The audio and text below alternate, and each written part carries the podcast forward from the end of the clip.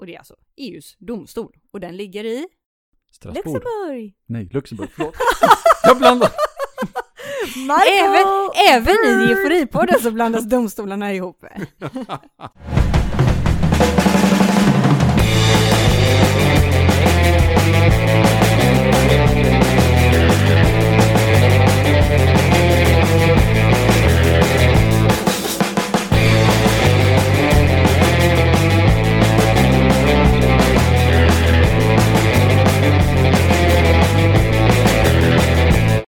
Hej och välkomna till Euforipodden. Hallå! Hej hej. Hej Marco! Hej! Och med mig har jag som ni hör Björn, Caroline och Helena. Hej! Hej. Igen. Idag Caroline ska du få prata om någonting. Ja, äntligen! Du har ju tidigare pratat om rådet, rådet och rådet. Ja, ett eh, favoritavsnitt. Precis. Och nu ska du få möjligheten att prata om domstolen och domstolen. Känner att jag har hamnat i ett fack här, men eh, vi Mm. kör på det. Ja, jag tycker det är bra. Ja, det är mycket institutioner på dig. Ja, men jag älskar de här institutionerna. Och det är så kul att få rätta andra, för att det blir alltid fel överallt när andra eh, skriver eller hänvisar till institutionerna. Så att det är så roligt att få rätta, tycker jag. Mm. Det finns en särskild glädje i det. Men vi, hop vi hoppas att efter det här avsnittet så ska du slippa rätta lika mycket. Ja, eftersom alla kommer lyssna på det här. Mm. Exakt. Lyssna noga nu då. Lyssna noga nu. Nej men eh, som du sa, avsnittet Rådet, Rådet, Rådet. och vi kör en liten snabb recap bara. Då var Mm. det alltså så att vi har EU, där det finns 27 medlemsstater. Där har vi Europeiska unionens råd, som även kallas för ministerrådet, där medlemsstaterna representeras av sina ministrar och där det fattas beslut om till exempel EU-lagstiftning. Eh, Och EU har även Europeiska rådet, och där samlas EUs stats och regeringschefer. Så när Löfven åker ner till Bryssel och träffar sina kollegor, då är det Europeiska rådet som träffas. Sen har vi det tredje rådet som är Europarådet och det är något helt annat. Det består av 47 medlemsstater, har sitt säte i Strasbourg och det skapades ungefär som ett europeiskt FN. Klart som korvspad, eller hur? Ja. Ja. Ja, Då går vi vidare till domstolarna och domstolarna och då finns det alltså två domstolar som ganska lätt blandas ihop. EU-domstolen och Europadomstolen. EU-domstolen hör till EU och Europadomstolen hör till Europarådet, alltså organisationen med 47 medlemsstater i Strasbourg. Så jag tänkte att vi börjar med Europadomstolen idag och då Mm. befinner vi oss alltså inte i EU utan i Europarådet med 47 medlemsstater. Europadomstolen, eller mer korrekt Europadomstolen för de mänskliga rättigheterna, eller på engelska European Court of Human Rights. Det är då en internationell domstol som inrättades 1959 och hanterar fall där individer eller stater anmält överträdelser mot de rättigheter som finns i Europakonventionen om de mänskliga rättigheterna. Och de här domarna är bindande för de deltagande staterna, alltså de här 47 medlemsstaterna. Och det har lett till att länder har fått revidera sina lagar och praxis inom många områden. Och Europadomstolen övervakar då respekten för de mänskliga rättigheterna i alla dessa 47 medlemsstater. Och alla länder har en domare från sitt land som verkar där och eh, sitter alltså i Strasbourg, precis som Europarådet. Men det är många som har åsikter om hur den där byggnaden ser ut. Ja, det är ganska omdiskuterad arkitektur då. Den, byggnaden ritades av den brittiske arkitekten Lord Richard Rogers 95 och han ligger även bakom Centre Pompidou i Paris. Mhm. Om man inte vet hur det ser ut så kan man googla och man kan googla hur Europadomstolen ser ut också. Kan vi eh, lova två bilder på Instagram? Vi kan nog lova bilder på Instagram på detta, ja. Eh, antingen så uppskattar man det eller så gör man det inte helt enkelt, som med mycket annan arkitektur. Men då Europakonventionen om de mänskliga rättigheterna som då är fundamentet för arbetet för både Europarådet och Europadomstolen. Det är ett internationellt fördrag som alla de här 47 medlemsstaterna har skrivit under och förbundit sig att efterleva. Och den här konventionen är också svensk lag därmed sedan mitten på 90-talet. Och den gäller då för ländernas medborgare men även för andra som befinner sig inom ländernas jurisdiktion, till exempel asylsökande. Vet ni några av eh, rättigheterna som den här konventionen innehåller? Nu blir det skolförhör. Jag har inte förberett er på Oh. de här. Alla måste säga minst en rättighet. Eh, rätt till familjeliv är väl en. Rätten till liv tror jag vi kallar det. Men, ja. Men är det inte att Jo, man men har det rätt till en, sin den familj heter right också? to privacy på engelska, det tror jag heter eh, familjeliv. Men jag Okej. tänker att man har rätt att, ha sina föräldrar, att få vara med sina föräldrar till exempel. Att man inte skiljer barn och föräldrar. Ja, så kan det mycket väl vara. Björ- Björn har, Björn har klarat Du sin. verkar jättepåläst när det gäller de mänskliga rättigheterna. Men det, är må- det är så Så många mycket rättigheter. Helena, vill du säga en rättighet? Nej men den här ska väl spegla FNs deklaration om de mänskliga rättigheterna, så det är ju egentligen samma saker som finns i de två. Skillnaden är att deklarationen är ju bara liksom en deklaration, man är inte rättsligt bunden till den. Men till konventionen är man rättsligt bunden, men det är samma liksom rättigheter som man har i de här två dokumenten. Kan du nämna en av dem? Ja, rätten till liv till exempel. Ja, men den är vi, okej. Kan du inte ta en annan då? Annan, ja, rätten till utbildning. Och Marco? Åh, gud vad svårt det här blev. Eh, jag hoppas att religion finns med. Yttrandefrihet, religionsfrihet, rätten att bli hörd, eh, rätten till privatliv. Rätten till en eh, rättvis rättegång. Ja. Konventionen förbjuder också tortyr, förnedrande straff, tvångsarbete och dödsstraff. Så att om man då anser att ett land, till exempel Sverige, har kränkt mina rättigheter som jag har enligt Europakonventionen, då ska jag i första hand vända mig till en svensk domstol och göra ett ärende av det här i Sverige.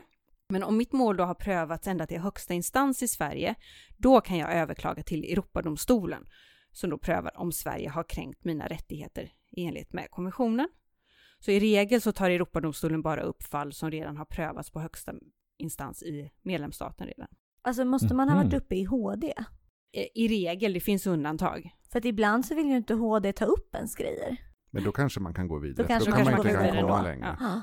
Då har man tickat den boxen liksom. Ja. Mm. Och Europadomstolens domar är då rätt- rättsligt bindande, men de är inte en överinstans, utan Europadomstolen kan bara konstatera om en stat har brutit mot konventionen eller inte och döma ut ett skadestånd till den klagande. Domen ändrar ju inte då till exempel de svenska domarna eh, som har fattats tidigare i fallet, men Europadomstolens dom ska beaktas av svensk förvaltning som, då, eh, som en praxis och det kan leda till att man behöver göra lagändringar i Sverige. Och i Europadomstolen så finns ju vissa länder då, vissa av de här 47 medlemsstaterna som förekommer lite mer frekvent i fällande domar än andra. Någon som kan gissa vilka länder det kan vara? Turkiet. Ja, Ryssland. ja. Ryssland har fällts i många uppmärksammade mål, till exempel rättsprocessen mot aktivistgruppen Pussy Riot för brister i mordutredningen av mordet på den ryska journalisten Anna Pol- Politkovskaja. Och här kan vi höra ett klipp från Europadomstolen där Alexander Navalny tagit Ryssland till domstolen. Men det här klippet är från 2018, nu har ju han varit aktuell på senare tid eh, med anledning av att han blev förgiftad. Men det här klippet är från 2018 där han då tog Ryssland till domstolen. I declare open the public hearing on the merits in the case of Navalny versus Russia. The five applications were lodged with the court on various dates between 14 May 2012 and 6 June 2014 under Article 34 of the Convention by a Russian national, my, Mr. Alexei Anatolievich Navalny. The applications were allocated to the third section of the court pursuant to Rule 52, paragraph 1 of the rules of the court. The applications were communicated to the government on 28 August 2014. On 2 February 2017, a chamber of the third section delivered its judgment in the case. It joined the applications and unanimously found violations of Articles 11 and 5 of the Convention Den här oppositionspolitikern Navalny hade alltså då tagit Ryssland till Europadomstolen för brott mot bland, bland annat artikel 5 och artikel 11 i Europakonventionen som avser rätten till frihet och säkerhet samt rätten till föreningsfrihet. Fick vi med en till. Mm. Men även Sverige har fått domar mot sig i Europadomstolen. Det kan handla om mål med asylsökande och utvisningar eh, ganska ofta. Men även andra domar har förekommit och ett exempel på sådant är en, det var en flicka som smygfilmades i duschen av sin styvfar och han blev friad i högsta instans i Sverige. Men Europadomstolen dömde för brott mot rätten till privatliv. Mm. Vad har Sverige gjort då då? Har man liksom återförvisar man ärendet till en svensk domstol som får fixa till det? Men det kan, ja, kan man göra det? Ja, alltså då, då dömer ju, då Europadomstolen dömer ju någon sorts eh, ekonomisk kompensation till den klagande och sen så ska det här beaktas som praxis i Sverige. Så Okej. att om det kommer upp liknande fall igen, då kan man titta på, ja men Europadomstolen dömde ju så här i det här fallet, så nu måste vi nog göra så också. Men de svenska domarna som har varit, de ligger kvar. Så det hjälper inte den klagande egentligen, annat än att möjligtvis kompensation. då. De får kompensation, ja. Men med det skulle jag faktiskt vilja gå vidare till EU-domstolen. Så nu Ja! Kan vi ha ett förtydligande där? För det är väl också så med Europadomstolen till skillnad mot andra domstolar att de har ju bara en rättsakt och det är inte något tillkommande lagstiftning som de ska tolka utan det är bara den där hela tiden. Ja, Då vet ni det också lyssnare. och med de orden så går vi vidare till den andra domstolen som jag vill ta upp idag och det är Ja. alltså EU-domstolen, eller Europeiska unionens domstol, eller European Court of Justice. Och det är alltså EUs domstol och den ligger i Strasbourg. Luxemburg! Nej, Luxemburg. Förlåt. Jag blandar. Även, även i Euforipodden så blandas domstolarna ihop. Vi får Oj. lyssna på det här avsnittet. EU-domstolen ligger alltså i Luxemburg. Och vi kan lyssna lite grann hur EU-domstolen porträtterar sig själva. Var och en av oss har som medborgare i Europeiska unionen rättigheter enligt EU-rätten. Dessa rättigheter tolkas och garanteras i sista hand av EU-domstolen. Domstolen har i de över 25 000 domar som den meddelat hittills avgjort frågor som direkt påverkar våra liv. Alltså den där bakgrundsmusiken. Är det inte vackert Helena? Det är som hissmusik. Ja, men det här var alltså EU-domstolen, Europeiska unionens domstol eller European Court of Justice. EUs lagar går före nationell, alltså svensk, rätt. Och EU-domstolen dömer i ärenden som rör EUs lagstiftning och hjälper också medlemsstater att tolka EU-lagstiftning om man behöver hjälp. Och vi har tidigare pratat om att EU-lag kan bestå av förordningar och direktiv och beslut och de här måste ju alla medlemsstater följa. Och om en EU-lag står i strid med svensk lag, då är det vilken lag som gäller? EU-lag. Korrekt! Här delas det ut guldstjärnor till höger och vänster. Och några som tas bort också. Visste du det? Mark? Nej, jag hade faktiskt ingen aning.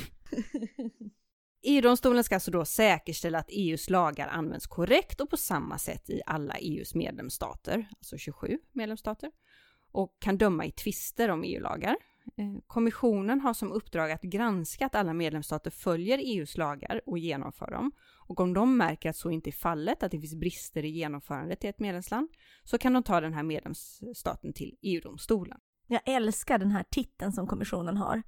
Fördragens väktare. Mm. Det låter så här äh, som någonting från Sagan om ringen. Jag tänkte precis samma Helena, jag ser någon i så här lång slängkappa Ja, och, och en så här, en, en pinne pinne. Nej, vad heter det? Stav. stav. Som man bankar med. och gärna någon flådig hatt också, kanske en peruk. Om EU-domstolen då dömer att landet i fråga inte har efterlevt EU-lagen så måste man rätta till det och det kan också bli böter för den här medlemsstaten. Och om en domstol i ett eh, land, till exempel i Sverige då, tycker att det är svårt att tolka EU-lagstiftning, vad som gäller, då kan de vända sig till EU-domstolen och be om hjälp att tolka, då ber man om ett så kallat förhandsavgörande. Och till skillnad från då Europadomstolen för de mänskliga rättigheterna som vi pratade om innan, så är det inte lika vanligt att individer kan få upp ärenden till EU-domstolen, även om det finns vissa undantag. Till exempel om eh, man anser att EU-rätten kränker ens rättigheter. Men det finns också fall med företag som drabbas av beslut från en EU-institution, till exempel konkurrensvillkor, och då kan ärendet hamna i EU-domstolen utan att det först han, hanteras i en nationell domstol. Och då hamnar målet i den så kallade tribunalen. För det finns två delar av EU-domstolen. Det finns domstolen som handlägger ärenden från nationella domstolar och tribunalen som handhar då mål som väcks av privatpersoner eller företag. Och det handlar ofta om konkurrensrätt, varumärken, handel. Och domstolen har en domare från varje medlemsstat och tribunalen har två domare från varje medlemsstat. Tror ni då att eh, Sverige har några domar mot sig i EU-domstolen? Ja, Ja. Såklart. såklart. Och det handlar framförallt om då när Sverige har brustit i genomförandet av EU-lagstiftning eller att man inte har hunnit genomföra lagstiftningen i tid. Just det. Men Sverige har faktiskt också tagit eh, eh, kommissionen till domstol. Det här går åt flera håll. Jaha. Åh, vilket- var det det här med att lämna ut allmänna handlingar? Ja. Eller en brist på öppenhet. Och Sverige har faktiskt tagit kommissionen till domstol flera gånger där man då me- menar att men det här är dokument som kommissionen borde lämna ut. Och i de här fallen så har Sverige faktiskt vunnit några och förlorat några. Hmm. Men en av de kanske mest kända domarna i Sverige eh, gällande företag, det är ju Lavaldomen och den kan ni höra Björn prata mer om i vårt avsnitt 5. Mm. Eh, Swedish Match har fått nej i EU-domstolen till att sälja snut, snus utanför Sverige. Så det finns lite blandad eh, kompott här. Och i avsnitt 13 så får vi ju höra om han mannen som försöker sälja alkohol som inte eh, jobbar på Systembolaget. Ja, just det hamnar ju också i EU-domstolen. Just det. Just det.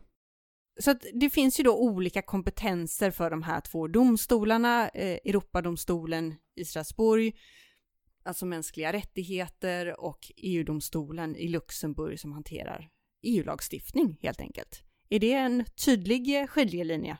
Alltså i teorin så är det ju ganska tydligt.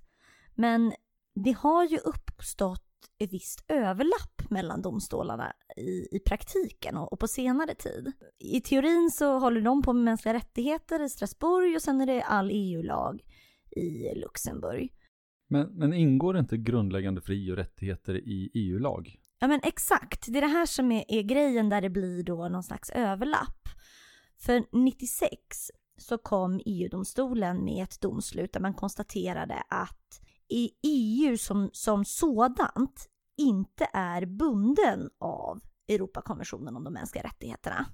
Utan alla medlemsstater i EU, de är ju också med i Europarådet och de är bundna av Europakonventionen om de mänskliga rättigheterna. Men EUs institutioner är inte det. Och då var man så här, okej, men det här blir ju väldigt konstigt, för då kan man ju anta EU-lag, då, då finns det inget krav på att EU-lagstiftning ska vara förenlig med de grundläggande rättigheterna. Och så vill vi ju ändå ha det lite grann i EU. Så då tog man fram en stadga för de grundläggande rättigheterna som ska gälla inom EU. Och den höll man på och krånglade om fram och tillbaka lite grann. Men den trädde till slut i kraft 2009 tillsammans med Lissabonfördraget. Och där har man ju då, ja, skrivit ner ungefär samma grundläggande rättigheter som då binder alla EUs medlemsstater och EUs institutioner. Så att det blir ju liksom, ja det gäller lite dubbelt upp och i många fall så, så har det visat sig att man kan ta typ samma ärende till båda domstolarna. Så det står ingenting i EU-delen om att ja, men vi, vi inkorporerar råd, rådet eller Europarådets stadgar i våra. Utan, och sen ska du använda Europarådets eller Europadomstolens spår för just de här frågorna. Utan man kan använda EU-domstolen som Ja, för det var väl liksom det man tänkte tidigare att implicit så är ju EU bundna av Europakonventionen om de mänskliga rättigheterna. Men så kom man fram till att man kan inte binda en annan internationell organisation till konventionen. Oh. Eh, ja, jag, jag ska inte gå in på då, de exakta rättsliga, det här finns ju liksom jättemycket juridisk teori man kan läsa om, om, om hur de olika rätterna förhåller sig till varandra. Men, men det funkade liksom inte. Nej. Så det var därför man gjorde på det här sättet. Och då finns det ett ganska intressant exempel som var en av de första eh, där man då såg hur de här två eh, konventionerna och rättigheterna interagerar. Och det handlar om eh, asylsökande eh, i Grekland.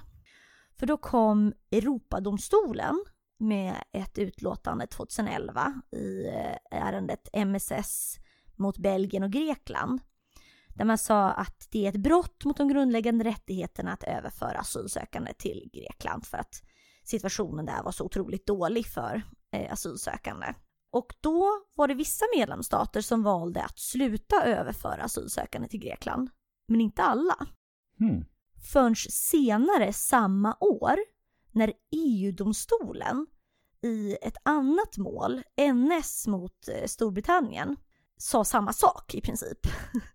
Att det, det, man kan inte bara anta att andra medlemsstater kommer att respektera de grundläggande rättigheterna. Utan om de inte gör det så får ni faktiskt inte överföra asylsökande för att det är eh, så dåliga villkor i Grekland för asylsökande. Och då slutade alla medlemsstater att överföra asylsökande. Men alla medlemsstater är ju också bundna av Europakonventionen. Men så kan liksom, hittar man något juridiskt litet kryphål och sådär. Så att här blev det ju att man var tvungen att ha två domslut vad gäller överföringar av asylsökande till Grekland för att det faktiskt skulle bli stopp. Jag kommer verkligen ihåg det här. Jag tror att vi alla jobbade lite med migrationsfrågor under den här tiden. Det Mm. var, det var ju väldigt spännande utifrån ett juridiskt perspektiv så, att följa de här processerna. Och det blir ju lite dubbelt sådär. Jaha, betyder det här helt plötsligt att man börjar undergräva Europakonventionen? Och att medlemsstaterna kräver att nej men EU-domstolen får väl ändå yttra sig. Det är den som vi är på riktigt bundna av. Alltså det, ja. Det finns en, en stor sån juridisk debatt. Är det ett problem? Är det inte ett problem? Och hur, hur ska de här sakerna förhålla sig till varandra? Men det är ju en intressant utveckling. När vi har pratat om hur de här två institutionerna när de startade var jättebundisar. och Europarådet hjälpte till en massa för EU att de skulle få låna deras lokaler, eller hur Caroline? Ja, precis så var det. Och nu, nu så, så uh, börjar EU ta över lite grann. Mm. Ja, det är väldigt spännande och det har vi nog inte sett eh, slutet på utan det, det lär nog komma fler sådana fall som ligger i gränslandet och där domstolarna får hitta sina, sina platser och sina eh, roller.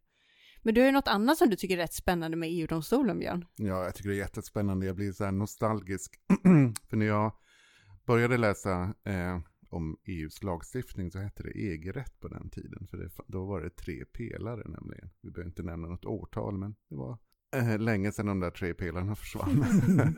men då fick man läsa väldigt mycket om olika rättsfall. För det är ju så med EU-domstolen också att de har ju då kommit med domar som har påverkat hur man tillämpar lagstiftning och vad som gäller i EU som inte finns i något fördrag men som ändå gäller. Och till exempel det här klassiska med Cassis de Dijon när man ville sälja eh, körsbärslikör i Tyskland. Måste väl vara vinbärslikör? Eller? Ja, just det, vinbärslikör, svartvinbärslikör är det, just det. Det här med att om en vara är godkänd i ett land så kan man inte förbjuda den i ett annat. Det finns det här också kända fangentenlås. På den tiden så kunde man alla de här fangentenlås.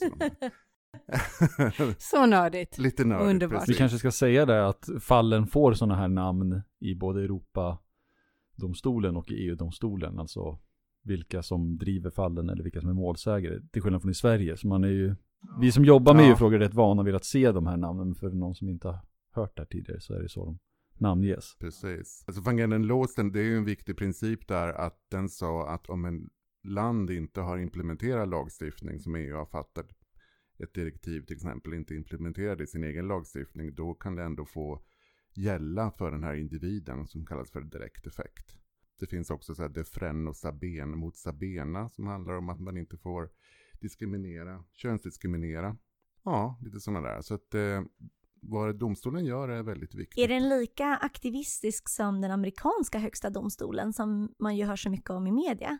Det vet jag inte. Jag uppfattar att den amerikanska högsta domstolen är mycket mera politisk. Eller ja, i och för sig det är ju EU-domstolen också. Men jag vet inte. Det känns inte som att i den amerikanska högsta domstolen så är man insatt där. Då kan man nämna vad, vad de här nio domarna heter och vilken politisk inriktning de har. Men jag tror inte någon kan ens säga e- ett namn på en domare i EU-domstolen. Nej, tyvärr. Nej, det är inte, lik, inte riktigt lika sexy kanske. Nej. Man har ju inte ens talat om när det är dags för Sverige att tillsätta någon. Nej. Nej. Mm. Ja, men då har vi även rätt ut eh, domstolen och domstolen och det tycker jag känns väldigt bra. Ja, det behövde vi Marco. eller Ja, det känner jag verkligen. Så nu har jag koll på vart de ligger och vilken, vem som gör vad. Tack så jättemycket Caroline. Ja, det var det lilla Fin, Marco. finns det ens några institutioner kvar nu som du ska... Eh, ja, men vi kan gräva vidare i eh, regionkommittén kanske, ekonomiska social... Det finns Ja, alltid precis. institutioner. Det är Men de här bra. meningslösa institutionerna vill jag gärna veta mer om. Finns inga Nu har skeptikern talat. Alla fyller en roll i maskineriet. Ja, nu fick jag gå. Och med de orden. Så eh, om, de har, om ni lyssnare har några tips eller önskemål på vad ni vill höra mer om eller några särskilda institutioner ni vill att vi ska prioritera när vi väljer några här så kan de vända sig eller kan ni vända er till Euforipodden på Instagram, EU-foripodden på Facebook och euforipodden at gmail.com. Härligt. Tack så jättemycket för den här gången så hörs vi i nästa avsnitt. Tack för idag! Tack. Hej. Hej hej.